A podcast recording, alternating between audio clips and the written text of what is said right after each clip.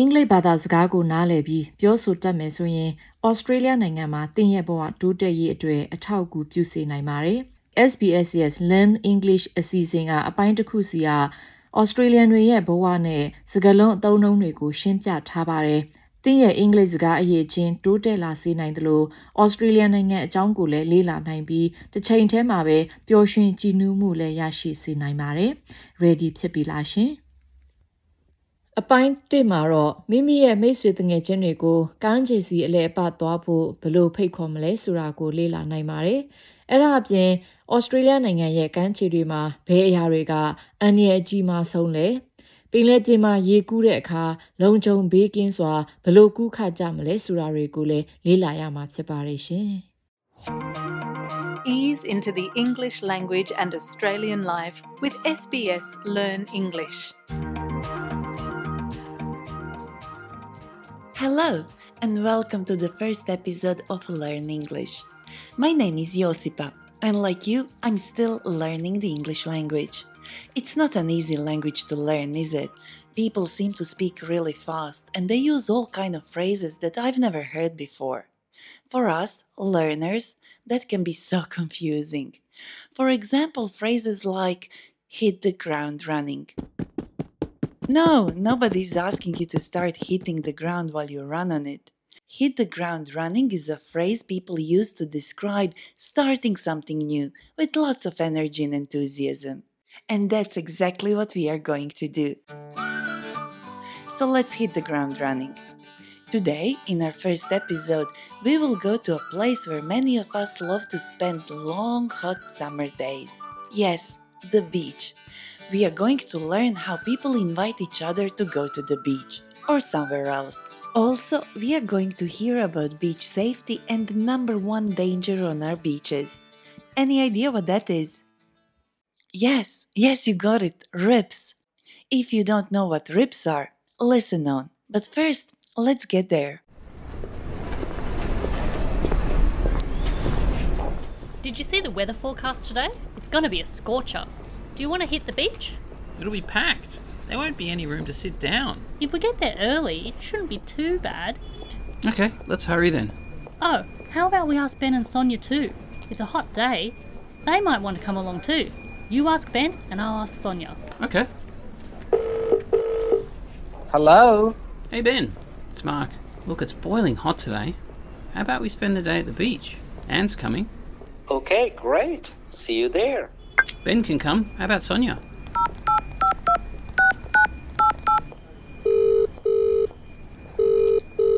Hi Anne, how are you going? Hey Sonia, it's gonna be a scorcher today. Do you want to check out the beach? That sounds lovely. I'll meet you there. Okay, let's go. Okay, I don't know about you, but I need a little break from this conversation. So many expressions that are difficult to understand. That's because my friends Anne and Mark are native speakers. They love to chat and they can speak really fast using a lot of phrases I've never heard before. But when we go more slowly, we can understand and learn these expressions. Let's start with Anne. It's gonna be a scorcher. Do you want to hit the beach? Anne said it's gonna be a scorcher. To scorch something is to burn it. So Anne means that it's going to be a really hot day a scorcher, a day that will really burn you if you are not that careful. There are so many other ways to describe a hot day, and Australians love talking about the weather. You may also hear people say it's boiling hot, it's stinking hot, it's a hot one. But enough about the weather. Let's hear how Anne asks Mark if he wants to go to the beach with her. Do you want to hit the beach? Just like hitting the ground running hitting the beach does not mean you actually hit the sand on the beach. Hit is just an informal way of saying go. So hitting the beach means going to the beach. And do you want to hit the beach means do you want to go to the beach? People use hit when they're talking with friends, informally, rather than with people they don't know well. So don't say it to your boss. Instead of do you wanna, you can also say how about? So you can ask them to go to the beach by saying, Hey, how about we hit the beach? You can also say, Let's hit the beach. You can also use these expressions to invite people to go with you to other places. Friends also invite each other to do things using other informal phrases like, Shall we head to the beach? Do you want to check out the beach? How about we spend the day at the beach? Listen to the different ways Anne and Mark invite Sonia and Ben to go with them to the beach. Hey Sonia, it's gonna be a scorcher today. Do you want to check out the beach? Hey Ben, it's Mark. Look, it's boiling hot today. How about we spend the day at the beach? Do you remember how Mark answers Anne when she asks him to go to the beach? Let's hear him again. It'll be packed. There won't be any room to sit down. It will be packed. Mark thinks that there will be so many people that they will have to sit very close to each other. That is, that the beach will be very full or packed. And he's probably right that the beaches near the city will be packed, full of children building sandcastles and running around playing with a ball. A lot of families sitting in deck chairs, eating and drinking the food and drinks they have brought in their eskies. Esky, that's an Australian word you should know about. An esky is a cool box that keeps our food and drinks cold even on a scorcher. Mark said, There won't be any room to sit down. He means that the beach will be so packed that there will not be enough space to sit down. Room here doesn't mean a room in a house, but it means space, so that it will be difficult for them to find enough space to put their things down. By the way, did you know that we have over 10,000 beaches in Australia? That means that if we decided to visit a different beach every day, it would take us mm, 10,000 divided 365. Oh, it would take us about 30 years to visit them all. That, that is a lot. Okay, so now we are all on the beach. Attention, please. Attention, please. You need to swim between the flags. In summer, when there are a lot of people on the beach, there are lifeguards to watch people very carefully to keep them safe in the water. They put red and yellow flags on the beach to show people where it is safe to swim. Then they watch the area very carefully so that they can help anyone who has difficulty in the water. This is called a patrolled beach. If you don't see flags on the beach, it means there are no lifeguards watching the sea, and swimming is not recommended. That's because our beaches can be very dangerous places, and people who were not born here, like me, don't always understand the hazards, like dangerous rips. By the way, hazard is just another word for danger, and the biggest hazard on Australian beaches is a rip current, or a rip, RIP. Australian beaches often have dangerous rips.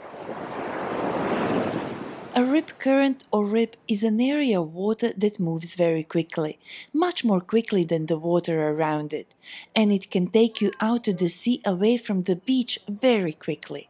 On average, rips cause at least 21 deaths in Australia each year. The best way to avoid rips is to go to a patrolled beach and swim between the yellow and red flags. But even the strongest swimmers can sometimes get caught in a rip current. So we ask surf scientist and surf lifesaver Rob Brander from the University of New South Wales to tell us what to do if we are caught in a rip. The main thing is not to panic. Don't panic because the rip will not pull you under the water. All the rip will do will take you further out to sea and it'll sometimes bring you back. Remember that you've got air in your lungs, you float, you're very buoyant, so don't panic. The second thing to do is if you're not a particularly good swimmer, put your hand up, straight up like that, signals for the lifeguards and the lifesavers to come and get you. What you could also do if you're a good swimmer is you could look around. And if you can see the sides of the rip, which is usually the shallower water where the waves are breaking, a lot of white water, swim towards that area. White water is good because it means it's shallow, you can maybe stand up, and also white water brings you back to the beach. What you should never do is swim against the rip. These things flow pretty fast, and you'll just find yourselves going backwards, swimming faster, getting tired, and then you'll start to get scared. So just go with the flow, signal for the lifeguard, or let the rip take you around and get out of it yourself. Thanks, Rob. So, did you catch the main point? The main thing is not to panic, because you will float as you have got air in you. The second thing is to signal for help to a lifeguard by raising your arm. And thirdly, remember, don't try to swim against the current. To stay safe on the beach, I always follow these 5 easy tips from the kids at Surf Life Saving New South Wales. Number one, look for the red and yellow flags and always, always, always swim between them. Number two, ask a lifesaver or lifeguard for advice. Number three, read the safety signs. Number four, always swim with a friend and adult. Number five, if you need help, stay calm and attract attention by raising your arm. If no one can see you, no one can save you. Oh, this one, this one. For more beach safety tips or to find out which beaches are patrolled near you, visit beachsafe.org.au or download the Beach Safe app. We have used a lot of language about the beach today. Let's quickly revisit the important words. See if you can remember the meaning before I say it. Hit the ground running is to Hit the ground running means to start a new activity with lots of energy and enthusiasm. a scorcher is A scorcher is a hot day, taken from the word scorch, which means to burn. For example, tomorrow is going to be a scorcher. when a place is packed, it is Packed means very full, like the bus was packed this morning. esky. An esky is A box that keeps food and drink cold. So when you go to the beach, don't forget the esky. Do you remember what is a rip current or rip? An area of water that moves very fast and can take you out to sea. Rips are the number one hazard on Australian beaches. Talking about hazards, a hazard is another word for Yes, that's right. A hazard is another word for danger. We also heard a few different ways of inviting a friend to go to the beach. Let's hear them again. Do you want to hit the beach? Hey, how about we hit the beach? Let's hit the beach. Shall we head to the beach? How about we spend the day at the beach? To help you remember these words, try inviting someone you know out to wherever you want to go next, using expressions that you learned today. That's all we have for our first episode. I hope you enjoyed it.